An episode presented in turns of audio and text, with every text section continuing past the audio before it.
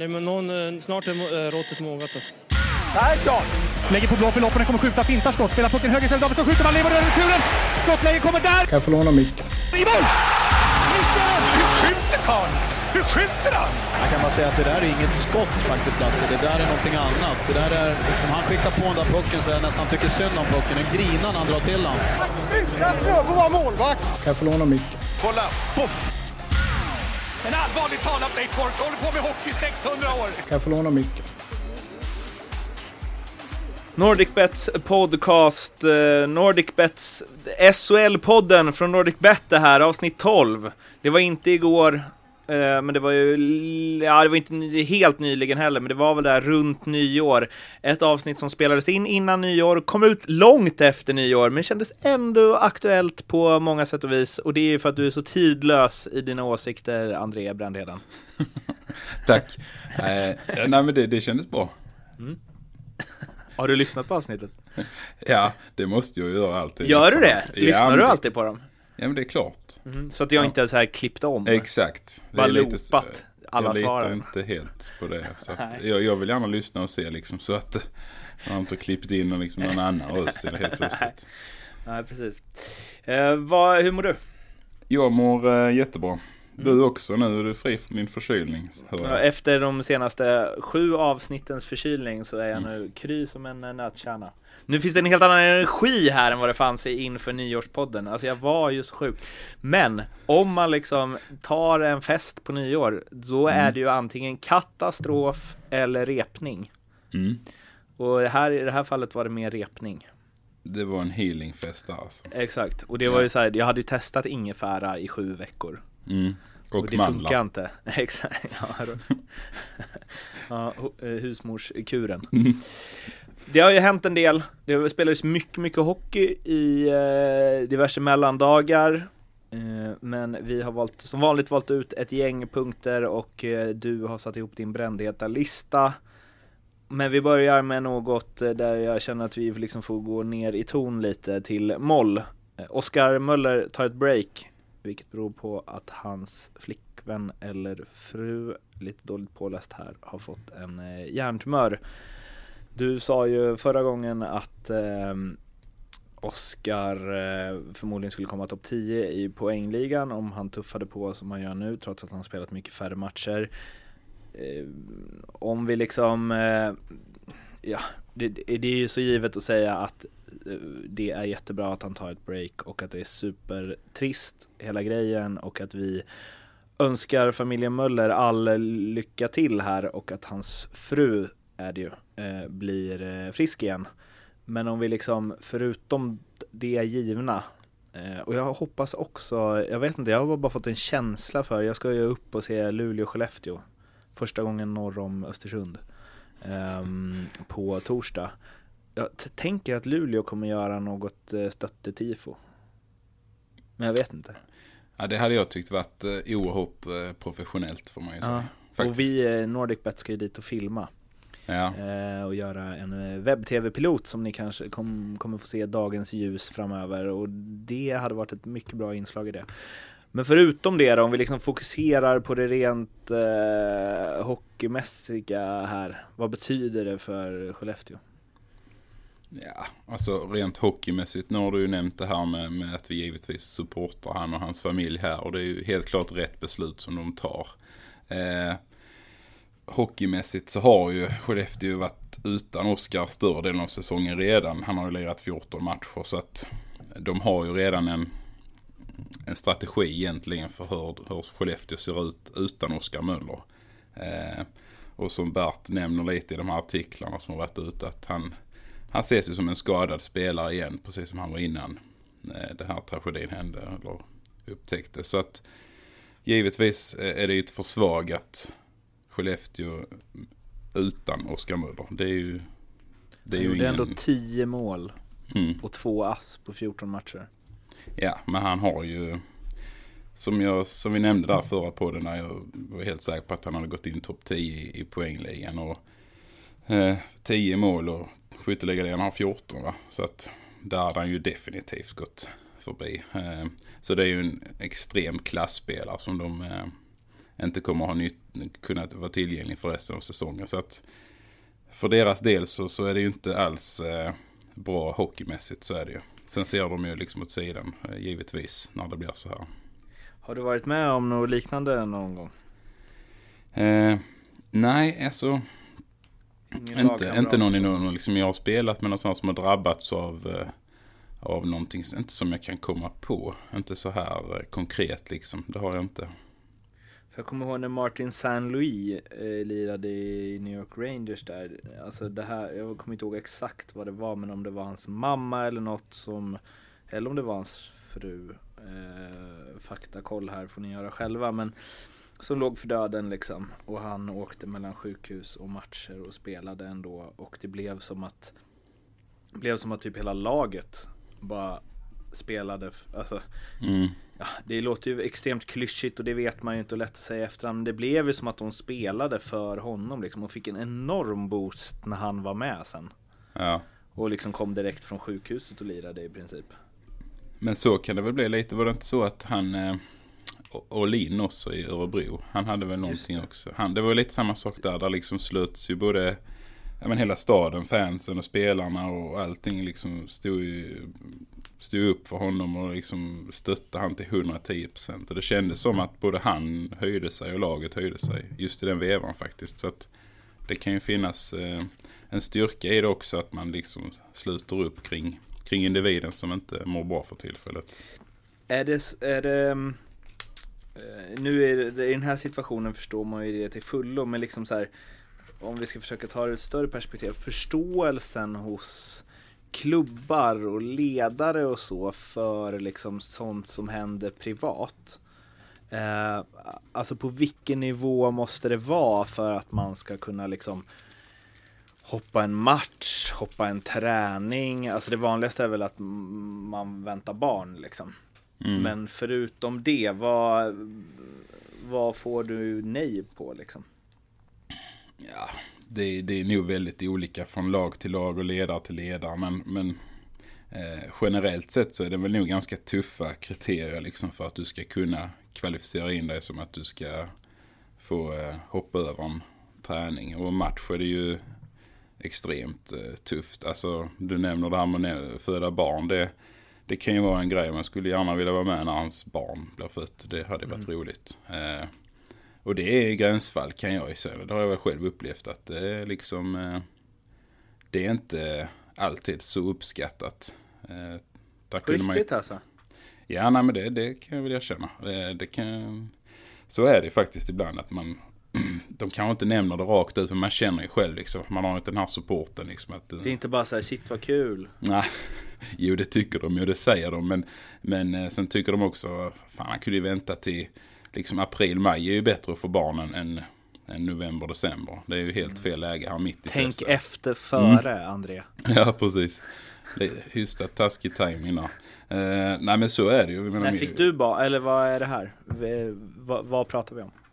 Ja, nej men jag, min äldste son, jag har ju tre grabbar, den äldste han är ju sex, när han föddes ju då eh, i april. Och då bilade vi upp, jag och Björn Hellkvist tränaren, vi fick köra upp till Almtuna för att han skulle ha uträknat samma dag tror jag, jag skulle ha uträknat typ några dagar efter. Eh, så då körde vi en bil upp och han, jag tror fasen han fick dagen efter eh, kvalseriematchen där. Och jag fick ju veckan därpå. Så jag lyckades ju tajma in min bra. Men det kunde ju leva väl varit så att man är ute på isen och så hör man liksom så ringer det och så är det dags. Eh, Var det kvalserien alltså? det var kvalserien. ja. Almtuna borta. Vi förlorade matchen också. Körde hem hyfsat deppiga. Men eh, jag menar det är sådana grejer. Det är inte alltid det.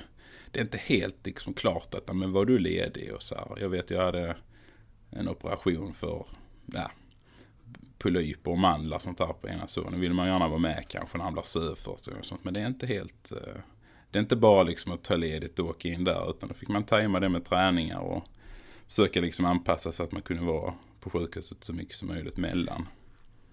Så att, eh, Hur, hur funkar det med att fejka en sjukskrivning? ja, det går så där. En julljumske tänker du på. Det är en klassiker. Ja, en ljugjumske? Ja, ljug och julljumske. En går- juljumske? Vad är en juljumske? Nej, men det, det är väl ett känt liksom, fenomen att lite äldre spelare när det börjar närma sig jul så en tendens till att det, jul. det drar lite i liksom- ljumsken. Det är tajt. Det är, nu har vi spelat mycket matcher, det stramar lite. Så att kanske är bättre om jag hoppar över någon träning här nu och vilar de här matcherna innan jul kanske. Har Det du kört inte den? Nej, jag har faktiskt inte gjort Du hann det. aldrig bli äldre spelare. Nej. Som du hade sett fram emot det. Som jag hade Alltså, sett fram emot alla dessa knep man lär sig. Ja. Där finns ju hur mycket som helst man kan liksom bara utnyttja där. Men nej, jag har inte ju kört det. Men det, det kanske förekommer i och för sig lite mer i de lägre divisionerna. Eh, så är det ju. Men eh, alltså i stora hela så tror jag inte det. Det är liksom inte bara att, att, eh, att få ledigt och gå in till, till chefen och säga att jag ska vara ledig en vecka för att eh, eh jag ska ha barn eller mitt barn är sjukt eller vad det nu kan vara. Men vadå om du ringer och bara jag har liksom 40 graders feber, jag kan inte komma in idag. Ja men det är klart, det är ju en fara för din egen hälsa. Men Alltså, det, det- det kollar de det de. på något sätt? Skicka Nej. liksom en... Nej, nej. Så man kan alltså fejka en sjukskrivning precis som vilket annat jobb som helst? Ja, det kan du göra. Om du är... Har du gjort det någon gång? Nej, jag har faktiskt aldrig gjort det. Jag skulle Vet du någon som har gjort göra det? Jag, ingen som jag kan komma på liksom, namnet på, men det finns ju definitivt de som har gjort det. Så är det bara. Hopp. Japp. Eh, men all kärlek till Oskar Möller och hans eh, familj. Hoppas din fru kommer tillbaks och blir av med den tumören och hoppas att du kommer tillbaks och spelar hockey så snart som möjligt. Absolut. En annan som har det kämpigt på eh, Bert Robertsson sa ju det här att det är liksom, det är inte så mycket, eh, eller liksom hockey är inte så mycket i jämförelse med det här. Eh, privata grejer. Men om vi ska fokusera på hockeyn då, eh, och någon som hade kämpigt där. Adam Reideborn. eh, Djurgårdens målvakt som i fjol åkte ur SHL med Modo, han gjorde väl inget superkval direkt. Eh, har ju i år heller inte rosat marknaden. Han har 2,77 mål i snitt per match insläppta och en räddningsprocent på 88,5. Står 13 av 30 matcher i år och efter matchen mot eh, Rögle, eller under matchen mot Rögle kanske det var, så... Eh, eller var det inför? Ja, det var Inför nog var det. inför matchen. Uppsnacket Exakt. där liksom inför. Eh, så säger den förre Djurgårdsmålvakten Petter Rönnqvist, eh, numera expert i Simor att eh, eh, säger så här. Han har inte visat något alls. Han var dålig uppe i Modo och han har inte utvecklats någonting. Det är hårda ord, men han har varit rent ut sagt han har rent ut sagt varit jäkligt dålig när han spelat. Släppt in dåliga mål. Det är inget som är bra för truppen. Ord och inga visor du. Nej, det får man säga. Eh, Faktiskt. Adam, vi, du, du må vara kass men vi känner med dig. Ja, men han, alltså det, det är ju eh, sanningens vidare här. Alltså, kolla både statsen och, och matcherna han är i kassen. Alltså det är en osäkerhet som, eh, som sprider sig till truppen och laget. Så att Tellqvist har ju fått eh, gå in liksom och dra ett tungt klass här. De känner väl egentligen att de har ingen backup som de litar på för fem öre här. Och det är ingen bra, det är inget bra läge att eh, infinna sig så här långt in i serien och ha liksom en målvakt. Eh, så att sen, sen gillar jag liksom att Petter säger, eh, som han säger, jag menar han är ju ändå ärlig. Ska man vara expert och stå i tv och, och prata inför alla tittare så, så har man ju ändå det som krav att man har sina åsikter och tycker vad man tänker, höll på sig. Så att eh, det tycker jag är gött, det måste jag säga. Det tycker jag också, jäkligt eh, befriande så. Vad tror vi om, liksom, en- utan att känna Adam, i alla fall inte jag, vad tror vi, alltså hur tar man en sån grej? För att det här, här han kan ju inte köra med att jag läser inte vad som sägs. Det här når ju honom oavsett om han vill eller inte. Ja men det är klart att det når honom, det gör det ju. Eh, och det har ju blivit lite mer uppmärksammat i media också i och med att Petter har liksom ett, en historik i Djurgården och är en gammal målvakt. Så det är klart att då, då kanske det biter ifrån lite också extra mycket när han kritiserar Djurgårdens målvakt. Eh, så att eh, det är klart att Adam har koll på vad som har sagt. Sen tror jag ändå inte att han jag menar han måste ju själv också känna att det här har inte varit någon bra säsong. Så det kommer ju inte som någon överraskning för honom att, att folk tycker att han inte har presterat heller. Så att, Det var lite Eh. roligt, det var någon på Twitter som bankade liksom ja men det stora jag trumman faktiskt. mot Petter där och bara, Mm. Du har kastat in nog med puckar i Djurgården för att liksom, eh, du kan inte stå här och komma här och komma här. Ehm, han har alltså spelat eh, 93-94 gjorde han 12 matcher för Djurgården, 3.44 insläppta per match, eh, har ingen räddningsprocent där. Uh, bassning där på Elite Prospect. Eh, och 96-97 Djurgården igen. 29 matcher, 2,66. 90,7 i räddningsprocent. Bedrövligt playoff. Två matcher, tre insläppta per match, 88,7 i räddningsprocent. Vi, eh, sen får vi vänta ett tag. Han körde ju den här Djurgården-Modo, Djurgården-Modo först Mm. i karriären.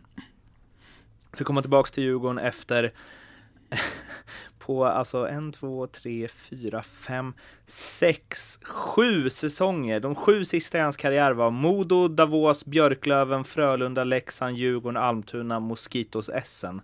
Det är en stökig karriär, Petter. Eh, men eh, det, vi bjuder in dig och pratar med dig om det någon gång. Eh, där var han tillbaka till Djurgården, spelade 8 matcher, 2,64 insläppta, 91,2 i räddningsprocent. Gjorde återigen ett katastrofalt playoff. Tre matcher, 3,86 insläppta, 86,8 i räddningsprocent. Och sen i Moskitos Essen, alltså 2004, hur gammal var han då? Han är född 73 väl? Precis, då var han alltså 30... Sa vi 2004? 31 bast. 13 matcher i tyska andra divisionen. 4,31 insläppta i snitt. Hörru, Petter. Det här ser inget bra ut. Nej, Mosquito-statsen var inte bra alltså. Vet du vad man skulle kunna säga att Mosquito-statsen är? De är eh, rent ut sagt jäkligt dåliga. ja, det är det faktiskt. Ja, de matcherna skulle man vilja sett och liksom hur har det sett ut? Har Det, varit känns som att det kan svänga en del i tyska division 2, och, och, alltså anno 2004-05 också. Ja, det är lite det jag tänker också. Eh, fan en eh, gammal eh, skolkompis som lirade där och han var inte bra. Eh, säger jag då, då, som inte ens kan stå på ett par skridskor. Men jag vet att han inte var bra. Men jag tror de liksom pröjsar bil och lägenhet och är helt okej. För typ kassaspelare. Som min gamla skolkompis. Som din gamla skolkompis. Eh, och eh, Petter Lundqvist. Nej. Eh, min gamla skolkompis som för övrigt är storebror till Mattias Bromé som väl harvar på i Mora nu. Eller något kanske. Precis. Anyway, eh, sidospår. Ja, det var det. Men, eh, ja, det var det verkligen. Eh, jag vet inte riktigt vad jag vill komma med det här, men eh, Petter vet ju hur det är att vara dålig i Djurgården, så han har ju verkligen på fötterna här. Ja, men faktiskt har han det. Och det, var- det var han ju lite, det var väl lite så han menade på eh, Twitter också. Han tog väl på sig lite det också, att det stämmer lite det som han blev kritiserad om. Mm. Var det inte så? Jag, Men, inte, jag läste inte vidare, jag tyckte bara nej, att någon hoppade på Ja, det var roligt faktiskt. Men jag tycker ändå det är bra att han Men han är bra, liksom. han ger Ja, och tar. Absolut. Det är så det, är det jag menar. Han, är, eh, han har väl lite liksom Wikegård-anda där. Wikegård har väl varit den enda kanske innan som har vågat att ja, säga vad han tycker. Man får säga det, det är inte ofta man ser sådana här råsågningar. Nej, det är faktiskt inte. Är- Peter har inte varit så mycket, alltså han har inte haft så många sådana innan. Det här kanske är en av hans värsta och första egentligen. Mm. Så att eh, jag tycker det är kul eh, att han eh, blir lite mer frispråkig. Och vågar liksom köra det. För annars vet man ju så här att det är liksom, det är Sanny, det är Petter, det är gött. Eh, och sen kommer Wikegård in och bara rör om i grytan. Ja, lite så är det. Det, det ska i och för sig vara ett bra upplägg däremellan också. Liksom. Det får inte vara för många kockar som rör runt i grytan. Utan Nej, det det ska ju bli bra tv med på något vis. Liksom. Han är någon form av mästerkock Wikegård, det är liksom Per Morberg i kubik. ja, faktiskt. Med snedbena. Han är, han är ju verkligen hockeyexperternas Per Morberg. Ja, lite så är han. Han har varit med länge nu alltså. Minns, du, minns du några sågningar så genom åren generellt? Eh, och nu får du liksom ta från vad du vill. Media eller som du har liksom varit med om i någon klubb eller mot dig eller mot någon lagkamrat eller något. Radda upp dem bara. Det, det är faktiskt inte så himla lätt att bara komma på sådana grejer faktiskt. Det måste jag säga. förbereda dig. Ja, jo. Inte så mycket i och för sig. Men, eh, eh, nej men sågningar har man väl alltid stött på. Sen finns det ju liksom olika typer av sågningar. Det, det är, de här verbala sågningarna liksom att du är, du är helt jävla bedrövlig. Sånt har man hört liksom från tränare som har kläckt ur sig det.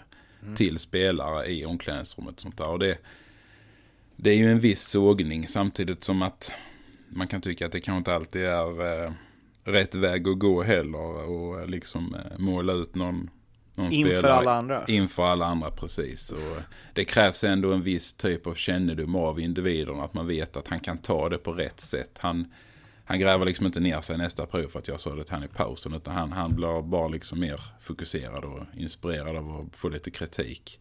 Eh, Så att där handlar det om lite känsla från ledarna också. Men annars har Vad jag fan inte fått... svarar man på det?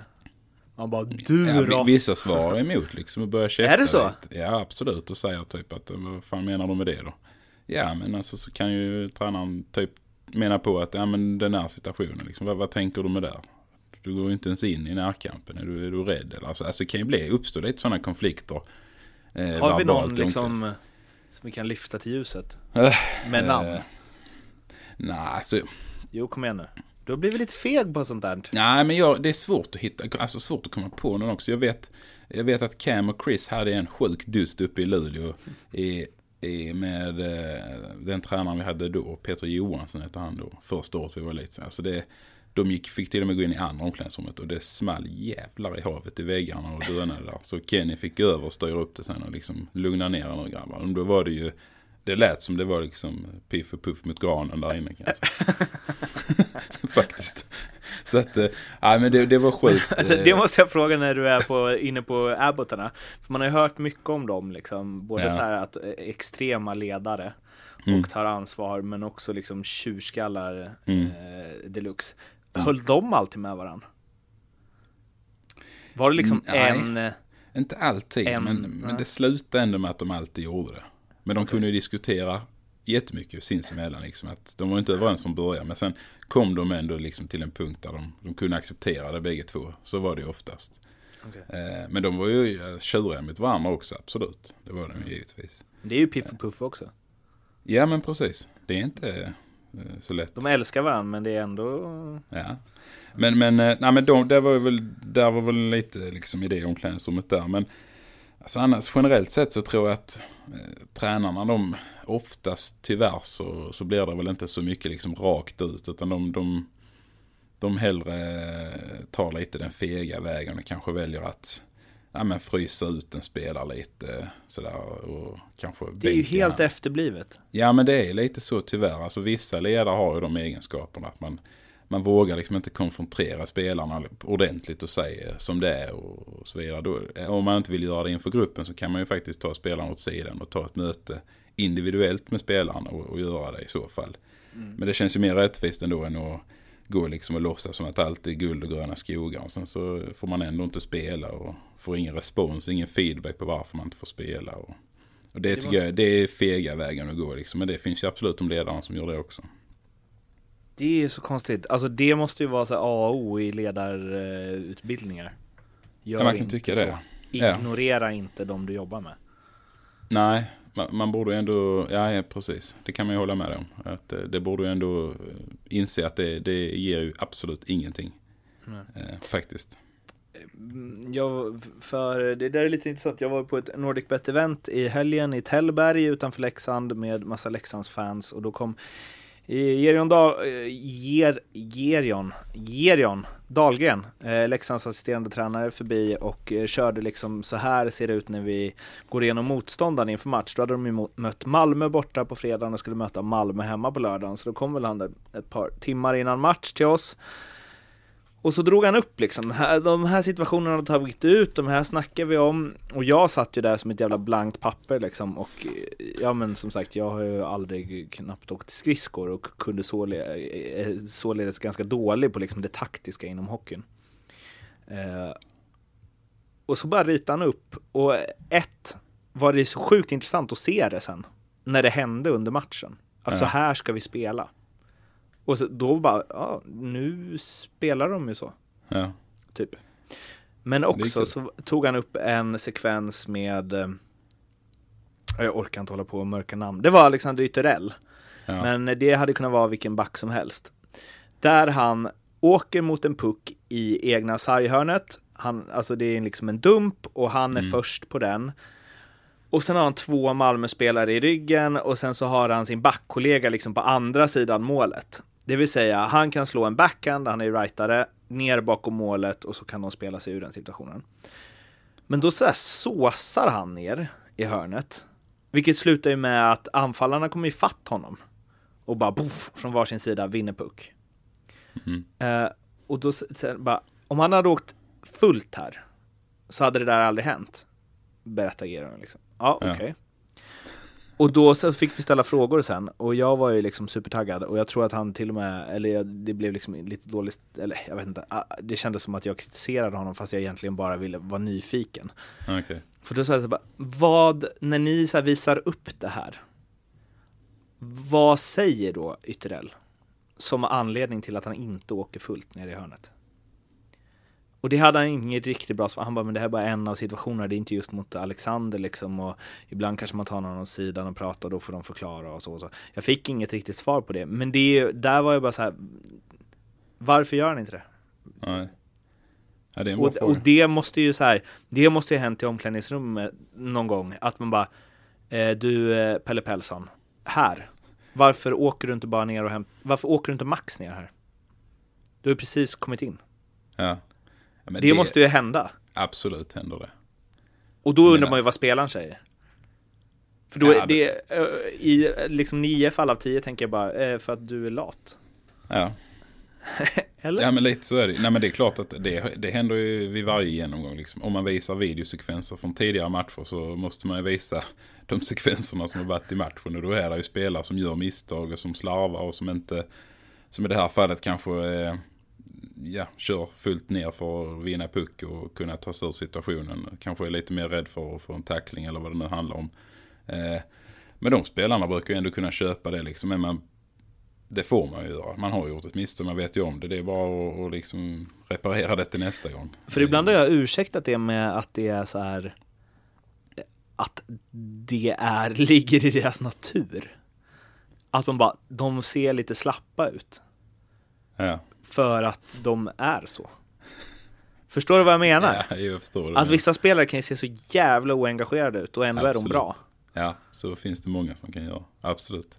Har du, har du varit med, vem, av den här då, vem är den mest så här som, där kroppsspråket bara uff, och sen så är han ändå svinbra? Ja. Eh, jag som jag har spelat med så måste jag nog ändå säga Daniel Sondell. Alltså, ja, Ja, han han, är har- lite av en glidare ju. Ja men exakt. Han har ju ett kroppsspråk som ibland kan se ut lite som att det är det absolut tråkigaste han vet att spela ishockey. Alltså typ så. Han, är, han kan se riktigt, riktigt less ut. Och sen är han ju, ja, han var i alla fall sjukt bra på isen. Eh, när han var som bäst. Så att jag menar, där har, man, där har jag ett exempel jag spontant kommer på. Liksom, att hans, hela hans kroppsspråk och auktoritär, alltså han var väldigt så här, ja, som liksom Sänkta väldigt axlar. förtvivlad såg han ut hela tiden. Det var så jobbigt. Och sen var han ju grym. Eh, Det finns ju väldigt många åt andra hållet också som ser så Ja, jävla pondus ut som är helt jävla värdelösa. Men har du, eh, har du varit med om att här, du, man har lyft ut en situation med dig i så här, så här ska vi inte göra. Och sen när du ser dig själv att du tänker bara, vad håller jag på med? Absolut. Ja, men det har jag varit flera gånger. Det har jag varit. Det, det, det, det var inte ovanligt. Jag gjorde sjukt mycket misstag. Nej, men det, det, det har jag varit flera gånger. Och sen har man ju varit med om det på olika sätt. Vissa har ju alltså, tagit upp det inför gruppen på ett bra sätt. Liksom, och visat en tydlig situation att här gör vi fel. Och det är inte bara den här gången André gör fel här. Utan det är flera Jag gör andra fel här och här och han gör här fel här också. och här och här också. Och sen i andra, så folk börjar typ somna.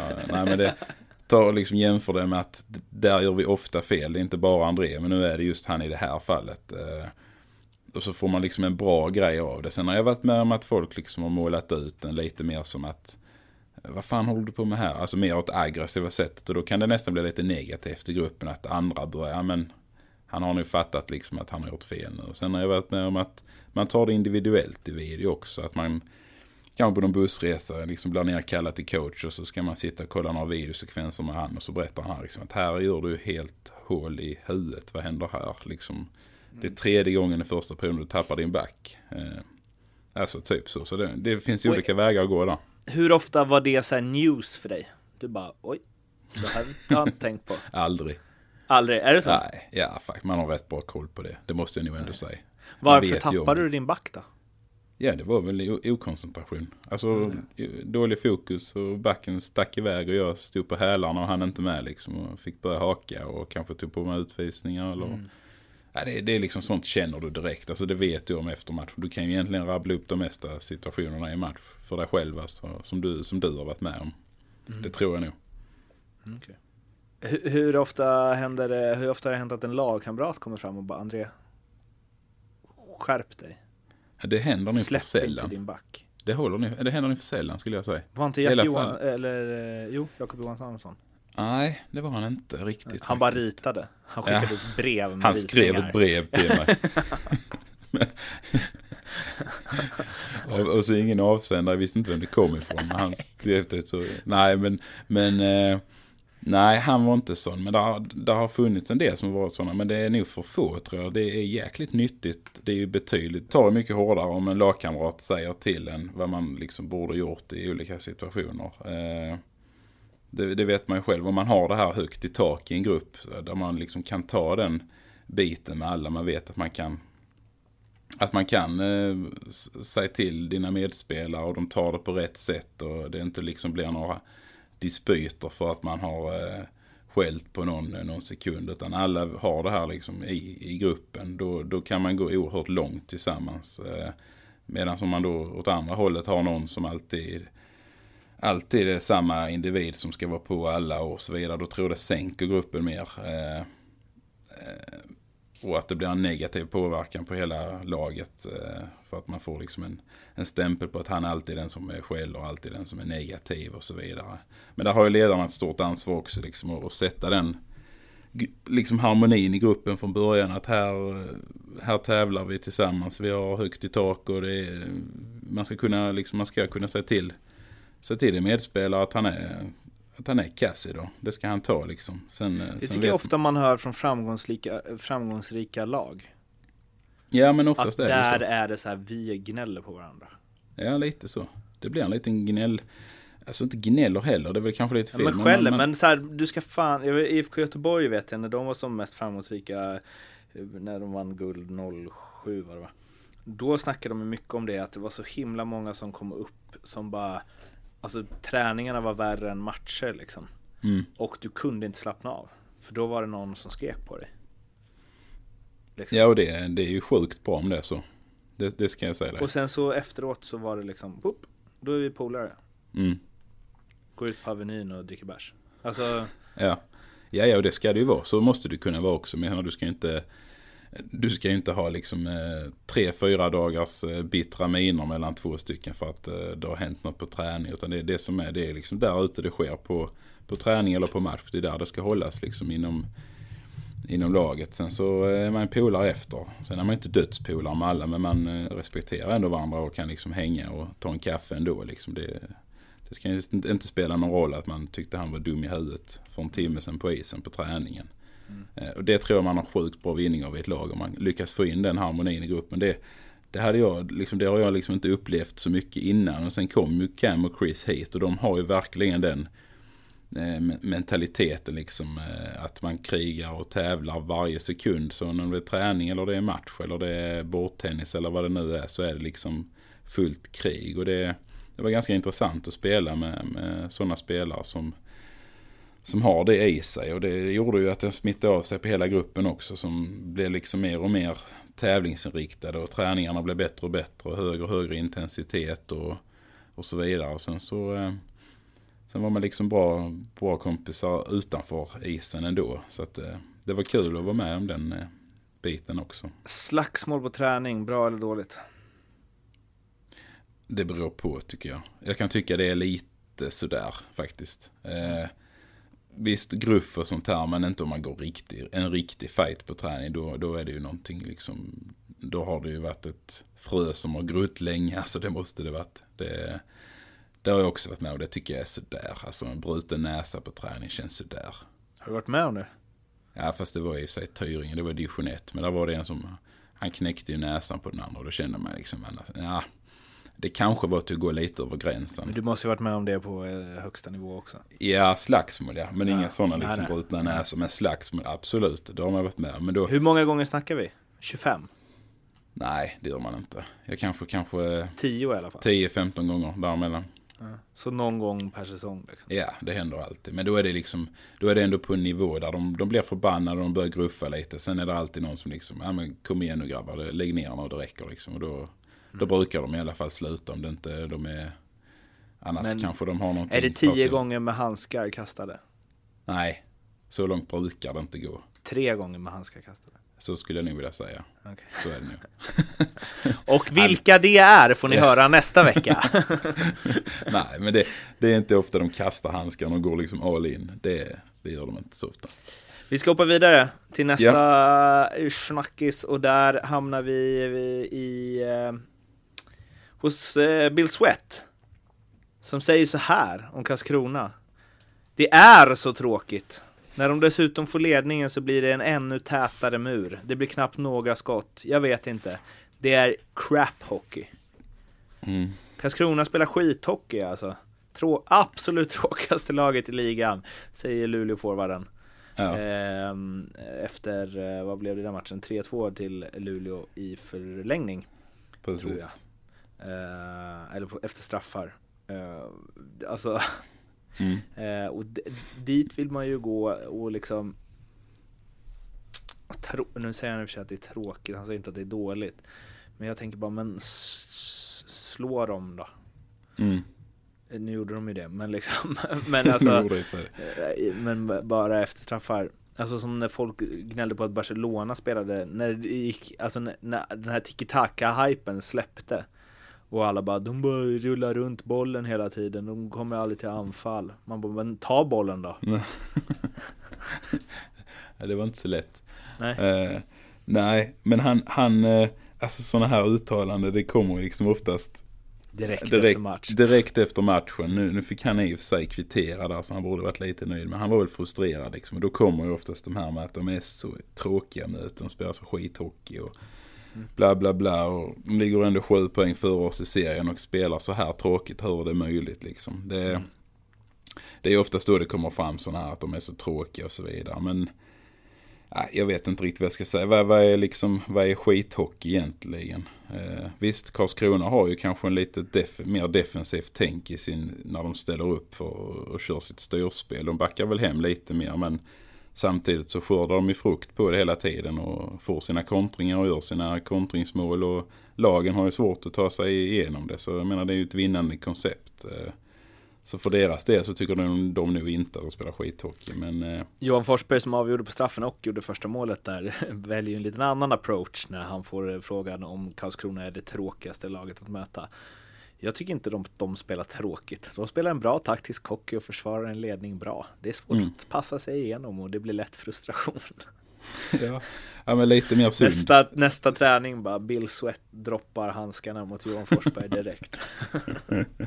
Ja, det, det kanske han gör. Men det, det, där har vi väl en lite mer sund, eh, sund tankesätt tycker jag från Johans sätt. där. Han, han har visat väl lite mer eh, ja, smartness där faktiskt i det uttalandet. Det, det ligger ju rätt så mycket mer i det. Eh, så att det där med skithockey eller inte, det, det är nog lite vad man individuellt tycker och tänker. Och här precis efter matchen så var väl Bill han väldigt upprörd att han hade kört fast många gånger i muren och kanske inte haft så många avslut på mål. Så han tycker de spelar skittråkigt. Sen eh, fick de ju ändå två poäng den matchen så hade de torskat så hade det väl varit ännu värre. Nu försöker jag googla rätt på det här, eller youtuba rätt på det, men jag hittar inte. Men det finns ju ett klipp med om det är Devils eller Tampa. Där det ser helt sjukt ut. I, i eh, liksom där de bara ställer upp och eh, cirkulerar. Eh, har du sett det eller? Nej, det har jag Det, inte det ser riktigt. helt efterblivet ut. Alltså, de, de spelar pucken mellan två backar liksom, det ena laget. Och de andra Ja. bara, de andra bara, alltså de går inte på. Nej. Eh, vi ska försöka lägga upp det i, eh, eller skicka Ja, en länk på SHL. Men det var ju, då, då kan man ju säga också att det är ju tur att inte Bill spelade här för en 7-8 år sedan i SHL. För då hade han ju tyckt alla lagen spelat tråkhockey.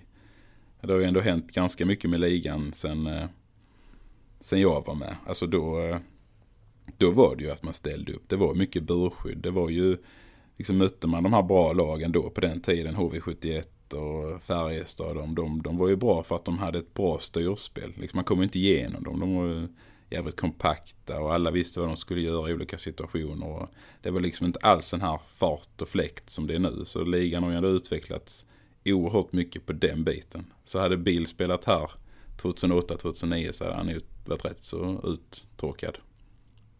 Tror jag. Mm. Grattis Bill. Eh, Flyers Mock Lightnings 131 heter Ja, ja, ja. klippet. 131 här också. Ja. En gamla Ser Falk. helt efterblivet ut. De bara passar fram och tillbaka mellan backarna Flyers och ingen går på. Och då är det så här fyra minuter in i första perioden. Så gör ju inte riktigt Karlskrona. Det får man väl att säga. Nej, det är kolan då. Ja. det är han som står längst Han bak går och aldrig över defensiva blå ju. Där han styr där bakifrån. Upp, upp, upp, upp. Eh, men mittback. man kan inte säga att eh, lag spelar tråkig hockey eller? Ah, det, det, det får nu stå för var och en av spelarna Okej. tror jag. Alltså nu det vill jag höra, vilket är det tråkigaste lag du spelat mot? tråkigaste lag jag spelat Mm. mot. Eh, ja, det är faktiskt en sjukt bra fråga. Men, eh, Vilket är det roligaste lag du spelat mot? ja, men roligaste lagen att spela mot, det tycker jag är de lagen som liksom har varit bättre än en. Typ, Mm. eh, ja men HV på den tiden, det var ju kul att spela mot Voutilainen och Davidsson och sånt. Alltså det var ju roligt att möta skickliga spelare. Är du hundra på det där uttalet? Voutilainen? Ja. Nej, Nej. är det rätt eller? What, what, Vatalainen. Ja, min mormor hade ändå finskt ursprung så jag borde sett den Ja, rätt bra. men, jag, jag litar på dig. Nej, Men varför var det kul? Vadå? För att det var hög Nej, men fart och det hände Ja men mycket? det var roligt liksom... att möta bra spelare liksom. Då var det ju tråkigare att åka och, möta Södertälje i, i den, på den tiden. Som var ett bottenlag och det var liksom inte alls lika fart i matchen och så här. Så det tror jag är väldigt, eh, det är nog ganska individuellt det där också. Så tråkigaste lag, det finns liksom inget lag som har varit sådär extremt tråkigt och, och defensivt. Utan alla har ju spelat på olika taktiska sätt. Så att eh, jag har nu svårt att sätta fingret på något tråklag. Så. Mm, okej. Mm. Du är så diplomatisk. Mot Ja, det är alla. lite tyvärr är det så. Alltså. Ja. Eller tyvärr, Men, men men nästa vecka får ni höra vilka tre gånger André varit med om att hans lagkamrater kastat handskarna på träning. ja. Det sista, Tornberg, eller Örebrosoppan får vi väl eh, döpa den till. Johan Tornberg Ja. blev ny tränare i Örebro för eh, 23 plus eh, 5, 28 dagar sedan. Och för fem dagar sedan så fick han sparken. Eh, det är världsrekord i hur kort tid en huvudtränare suttit på posten, säger Tornberg till Nerikes Allehanda. Då tror jag att han får snegla mot KL lite. För där tror jag att eh, det finns konkurrenter om det världsrekordet. Och istället så Eh. kommer alltså Niklas Sundblad, Petri Limatainen in och Niklas Eriksson som ju anlände efter att blivit sparkad från Almtuna blir kvar i laget. Och det som ju var så märkligt med det här är att de liksom det var kravställande de ville ha in och bla bla bla. Och det var exakt det de sa när de anställde Tornberg. Mm. Att han var liksom den bästa kravställaren. ja. Hur mycket dåligt kan han ha gjort på så kort tid? Jag fattar Nej, inte. det, det börjar man ju faktiskt fundera på. Det sänder ju eh, Det här sänder ju inga bra signaler. fruktansvärt dåliga signaler faktiskt skulle jag säga. Det är Ja. ju, eh, nej det här känns ju bara som ett litet halvskämt. Eh, det här tränarskiftet. Att Kenta lämnar liksom, det kan man ju, det var väl hans eget beslut och det är ju som det är liksom. Men, men som du säger, snackar ändå upp Tornberg och de tycker att han här är helt rätt man för att leda laget resten av säsongen. Så får han liksom fyra matcher typ. Vad, vad, har, vad har han liksom presterat på dem? Vad kan han göra på de matcherna?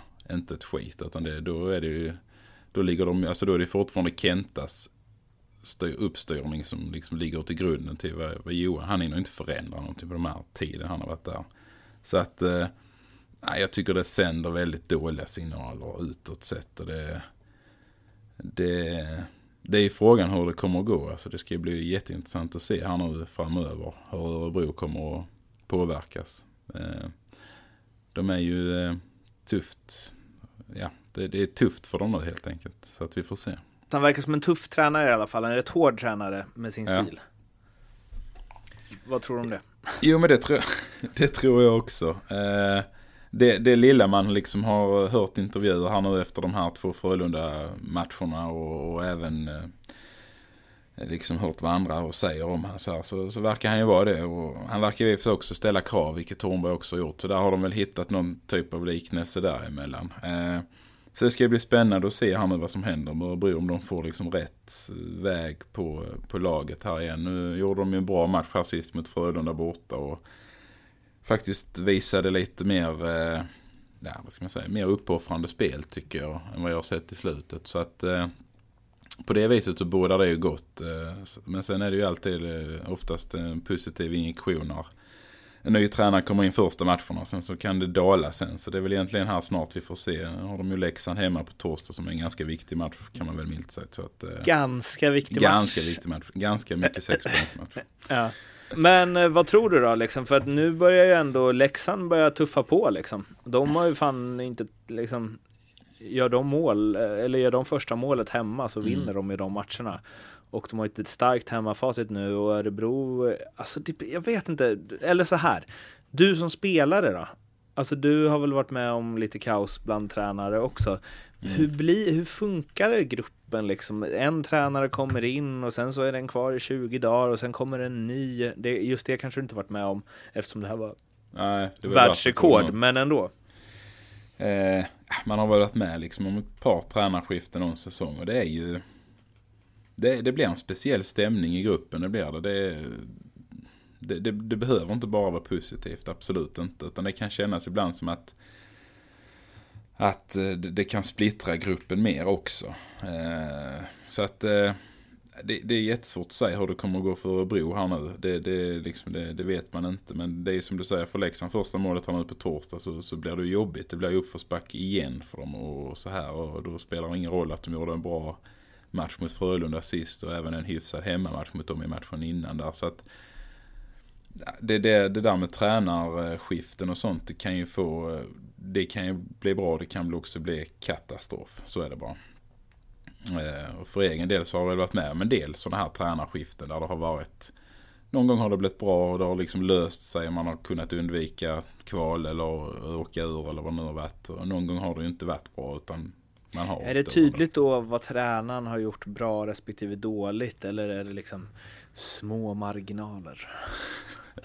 Det är alltid små marginaler. Men det, ja, det är klart det blir tydligt. Och sen, sen handlar det lite om att hitta tränare som är hyfsat lika med tycker jag. Som Örebros här nu. Alltså Tornberg och eh, Sundblad kanske har hyfsat lika syn på hur hockey ska spelas och hur man uppträder i bås mot spelare och så vidare. Det har jag lite dålig koll på men det, det är inte omöjligt. Och tar man in en som är för annorlunda mot hur man har haft innan. Nu, nu hann de ju bara ha Tornberg en månad så att det, det kan inte just i det här fallet. Men i andra fall har man haft en ledare ett tag och som man har lärt känna och hur han fungerar och man har en viss sorts jargong i gruppen. Så kommer det in någon och vänder helt och hållet upp och ner på det så tror jag att eh, det kan bli negativt för, för laget eh, om det är för stor skillnad.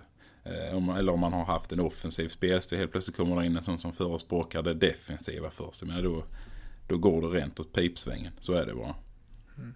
Tycker jag. Den brändheta listan. Mm. Bästa tränarna du haft. När vi ändå är inne på det här med Top tränare. five. Och du får ha med assisterande också. Ja, jag har Topp faktiskt fem. tagit... Och som vanligt vet du att vi kör nerifrån och upp. Absolut.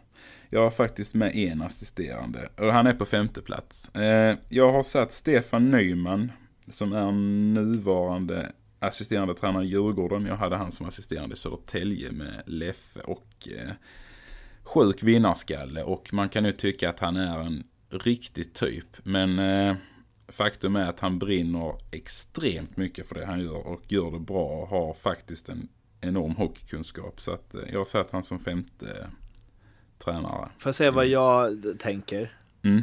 om honom? När han De eh, gav sig på klasen. Jag tänker att han är en, en drummel. Ja, alltså jag tror man, man ska nog... Smidig som ett kylskåp.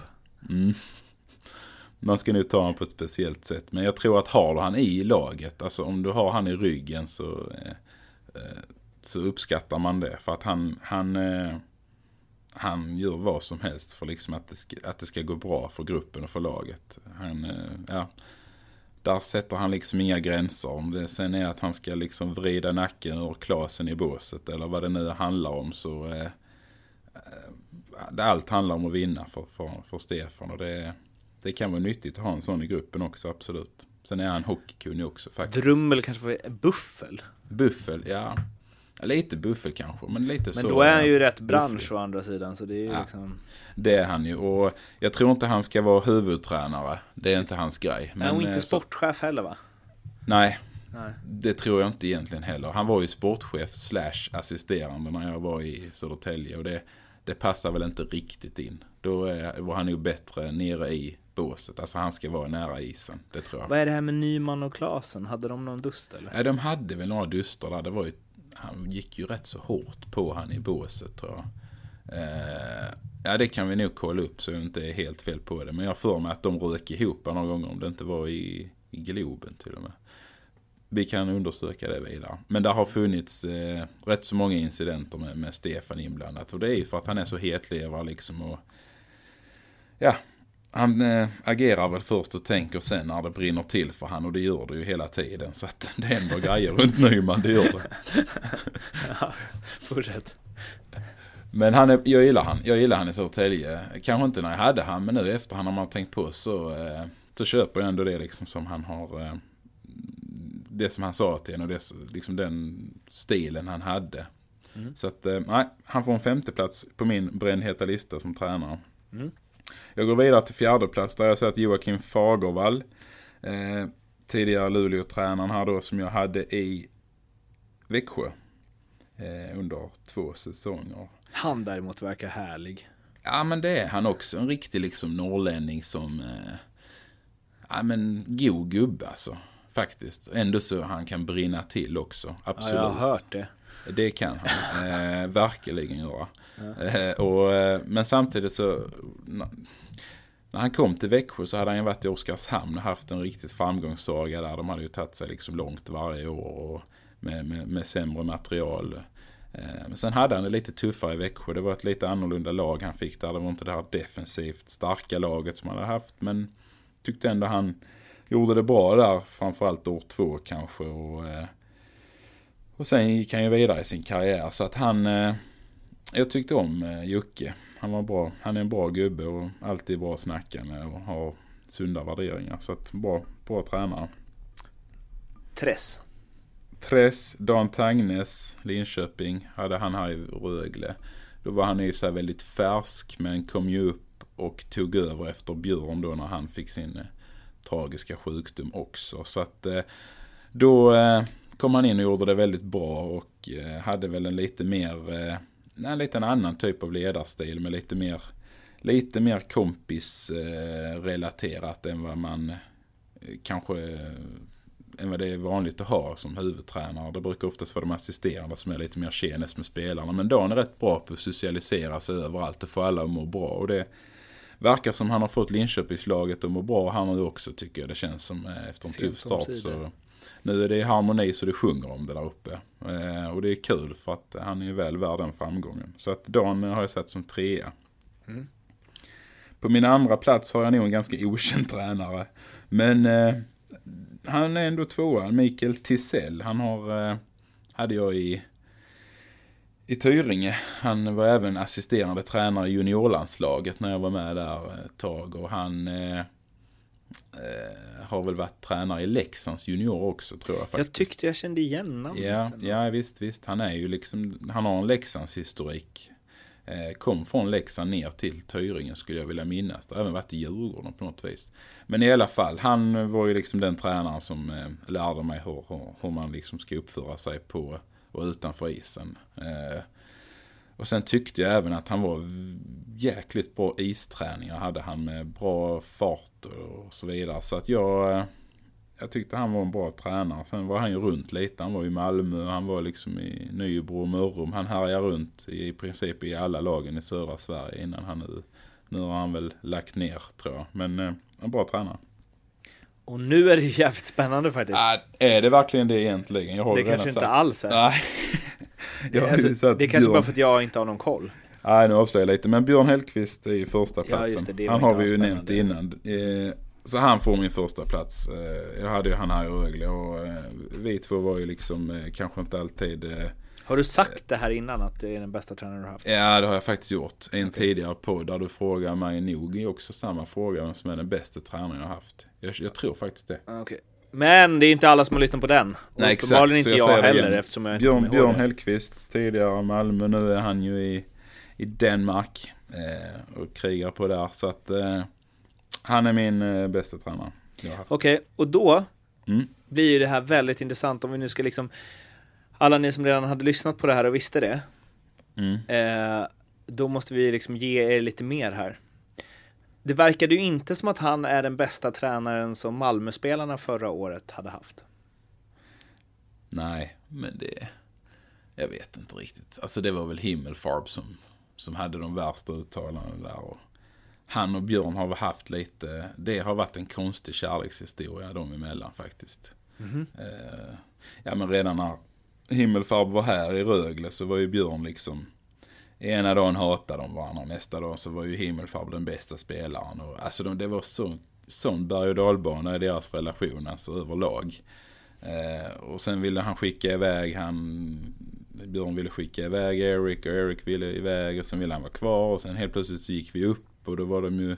Då var, han, då var de ju bästa vänner och sen så tog han in han i Malmö också. Eh, lite överraskad blev jag då för jag hade ju ändå liksom känt att det var en liten konstig relation de hade. Men Eh, där var det ju som det var där och sen så kommer ju Eric ut efter säsongen och drämmer av lite kommentarer med hur dålig Björn är och så vidare och så vidare. Så att, Ja, Han pratade ligger- liksom om så här mobbning och att han sa Ja. olika saker till olika spelare och att han liksom fick spelarna att vända sig mot varandra inom Precis. laget. Och, alltså, ja, det där vet jag inte om jag ska tro på helt hundra om jag ska vara helt ärlig. Jag tror det ligger mer, eh, mer internt dem emellan i så fall. Jag tror inte Björn skulle göra så eh, i ett lag. Eh, absolut inte. Utan jag tror att det ligger en historik längre tillbaka i tiden mellan Björn och Erik som, som liksom utspelar sig redan här i, i Rögle innan han gör detta i Malmö. Så att jag, nej, lite fjöntigt att komma ut med det liksom sådär efter säsongen tycker jag där från Himmelfarbs sida och liksom börja svartmåla eh, Björn där. Eh. Så att nej, det, det köper jag inte riktigt. var det bara Himmelfarb som... Nej, där kom väl någon mer sen. Jag kommer faktiskt inte ihåg vem det var. Det var väl något uttalande till sen. De som, inte fick liksom, eh, spela? Styrkte Himmelfarbs historia lite. Var det inte så? Jo. Eh, ja, det var nog någon som inte fick spela också. Eller var det någon som fick spela? Och som ändå gick ut och sa det och då blev det ännu mer liksom fy. För att han fick ju ändå förtroende. Jag kommer inte riktigt ihåg. Det där borde man kolla upp faktiskt. Eh, men, det, nej, men Björn, jag tycker han är bra. Jag tror att han kommer att leda ett eh, elits, eller ett SHL-lag. Shit vad nära jag sa igen. SHL-lag eh, snart faktiskt igen. Det tror jag. För, det, så- för Björn bemötte ju inte det här heller. Nej, det gjorde han inte. Eh, Det var ju att det det blev vet jag inte om det jävligt- var smart eller dåligt. Det, Nej, för att är ibland så är ju så här tystnad att bara, ja, ja, låt Mm. han säga vad han vill för han snackar skit. Men ibland är det ju också, han har rätt. ja, faktiskt. Eh, där kanske han ändå skulle kläckt ur sig någonting. Alltså i alla fall någon liten typ att. Men det gjorde han väl. Han sa väl någonting med att. Eh, men det var oerhört lite han uttalade sig i media. Det var det ju. Det kan man väl säga. Eh, det kom ju inte något eh, försvarstal direkt. Det var inte direkt som Uslins försvarstal nu när han körde blinda blind dummare. Men det var ju egentligen en, en eh, dribbling. Eller? En gång till. den har du inte hört kanske?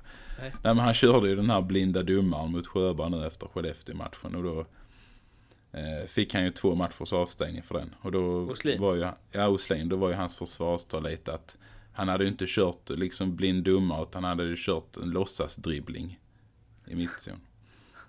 Den var kanske lite halvt, ja. Ja. Jag vet inte om det nu, det, det försvarstalet höll ju inte hög advokatnivå direkt. Oslin. God ändå.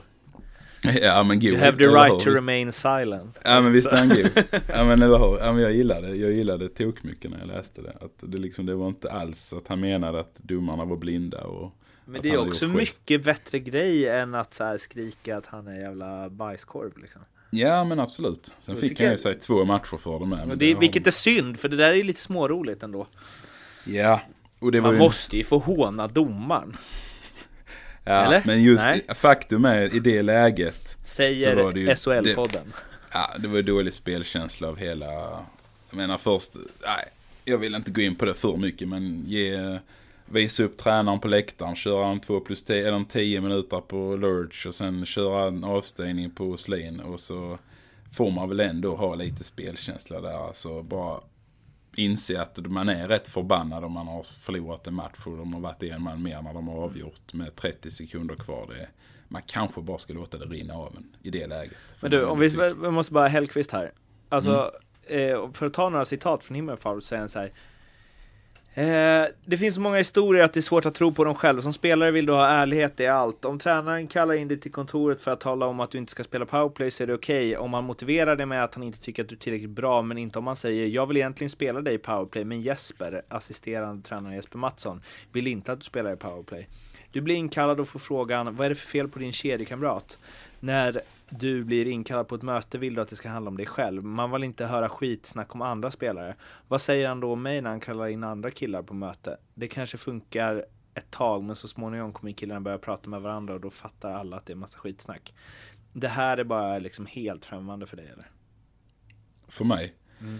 Ja, det, det tror jag. Alltså, ja absolut. Det skulle jag säga att det är. Det har jag inte upplevt att Björn har gjort på det viset. Sen, sen är det mycket möjligt att, att, han kan frå, att han har frågat den om andra spelare. Men då har han ju haft en baktanke med det som har varit positiv. Alltså typ, hur- är det med berget egentligen? Mår han bra? Har han sagt någonting? Han ser rätt så deppig ut. eh, Liksom. Alltså han har försökt inte att han har snackat skit utan mer att ha försökt liksom att kanske att man Luska ska få lite.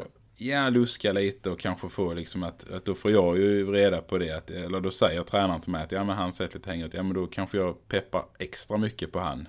Eh, framöver liksom för att tränaren också uppmärksammat att det är lite hängigt. Eh, så, men inget negativt så. Det har jag aldrig upplevt att Björn har sagt. Så, så det kan ju vara liksom det där är ju skitsvårt att säga alltså för Himmelfarb. Han, eh, han kan ju vara bitter på egen hand liksom att inte han fick spela powerplay eller att han att de pratar skit eller han liksom Björn kanske har frågat någon om, om någon kedjekamrat och då tar Himmelfarb det på fel sätt och tror att han ska snoka eller liksom vara, snacka skit om han och så vidare. Så det, jag vet inte. Jag tycker det är Nu när jag läser allt det här, det kanske inte var någon mer som eh, uttalar sig. Det är bara att han liksom namnger ju alla lagkamrater som också har varit med om saker.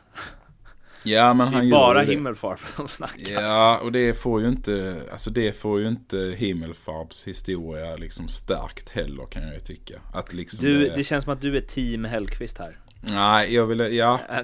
Jag har ju ändå satt han som första plats. Sen Ja, har jag inget emot ja. Eric heller. Så jag tycker han är en bra gubbe och han var bra, bra spelare. Men han är ju speciell och det, det var ju, han är ju den, han är inte den mest positiva ishockeyspelaren överlag. Liksom. Det är en ganska gnällig typ. Så att jag, jag förstår att det kan ha blivit dispyter de sinsemellan. Både när de var här och i Malmö så är det bara. Han är ju eh, ganska speciell Eric också. Som man ska ta på ett väldigt speciellt sätt.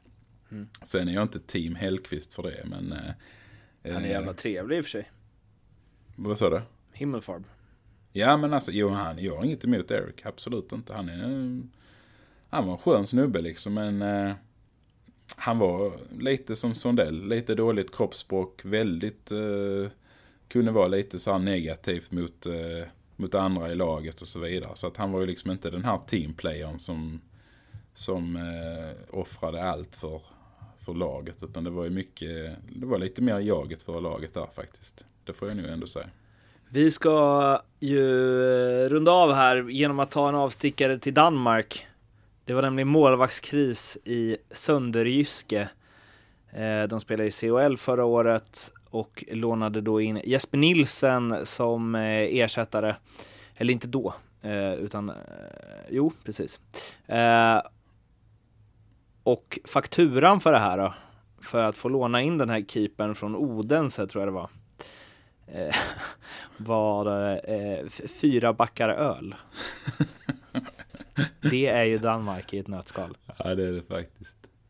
Eh, ja, det är roligt att höra sådana, att det liksom finns kvar, den danska kulturen. Det är också så himla roligt för det är liksom fakturanumret, de har ju en printscreen på fakturan, är ju 000000001. Det är ju förmodligen den enda faktura de någonsin skickat. Ja, ja visst. Det har inte funnits några innan. Och då Hans på nuvarande klubb. HCA Odense var inte sena med att skicka en faktura för att ha lånat ut sin målvakt. Det krävde en annorlunda betalning i form av tre backar öl, står det här. Ja, tre. Det, Det, var tänkt som ett skämt från början och klubben hoppades väl att Sönderjyske skulle bemöta det med lite humor. Jag tycker att det var en rolig grej men hade nog inte räknat med att det skulle bli så här stort. eh, Sönderjyske visade sin tacksamhet genom att lägga till en fjärde back öl som betalning. Ja, ja, ja. Ja, det är ju nice. med. För annars är det ju en klassiker där med, man, man ska ju alltid handla tre för att få det på riktigt tillbud. Mm. Eh, så det var väl därför de liksom körde den med tre. Men så adderade de en back extra där. Det var ju faktiskt generöst. Men det, det har Björn sagt här nu. eh, Han är ju i Danmark nu. Jag, jag har träffat han några gånger sedan han gick dit. Och han sa ju det liksom. Det är ju en helt annan kultur när du kommer över. Det är ju Alltså just med, med mat och, och eh, träning och liksom. De undrar ju varför de hade haft så många skador. Ja det kunde han ju svara på ganska snabbt. Liksom det här med att ta hand om sig själv och sin kropp och, och sånt. Det finns ju inte på alls samma nivå där. Utan det, där är det ju lite wienerbröd och en bir efter träning och liksom det är ju ja, mer, mer gott, gott liv helt enkelt. Så att han har ju något, har fått något att bita i där över också Björn kan jag säga. Himmelfar kanske kan passa till det. Det hade han faktiskt gjort. Ja, han hade gjort det. Ja, Jag har tänkt en tanke faktiskt själv också. Han hade nog passat i Danmark. eh, Det tror jag han har gjort. Wienerbröd, bärs, han har gjort ganska många poäng i den, på den nivån också. Ja, det hade han gjort. Han är en duktig spelare. Absolut. Vi ska runda av Ja, med att, eh, jag vet inte, jag kanske ska gå och ta mig till wienerbröd. Jag blir lite sugen när du snackar om det. Eh, Men om ni vill snacka mer med oss så finns vi på, twit- på Twitter. Det är att brännreden65 och att Martin Bergman och att SHL-podden. Och hashtag SHL-podden funkar också, håller utkik där. Eh, tidigare avsnitt hittar ni på Acast och iTunes, SHL-podden. Prenumerera gärna och spana också in SHLbloggen.se. Där finns det massa eh, goa grejer. Dels eh, lite utdrag från tidigare poddar och lite intervjuer, lite paneler etc. etc. etc.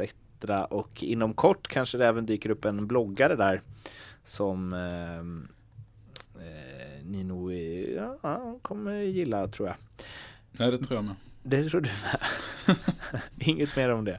Nej. Eh, tack för den här eh, tiden, höll jag på att säga. Ja, Riktigt bra avsnitt idag.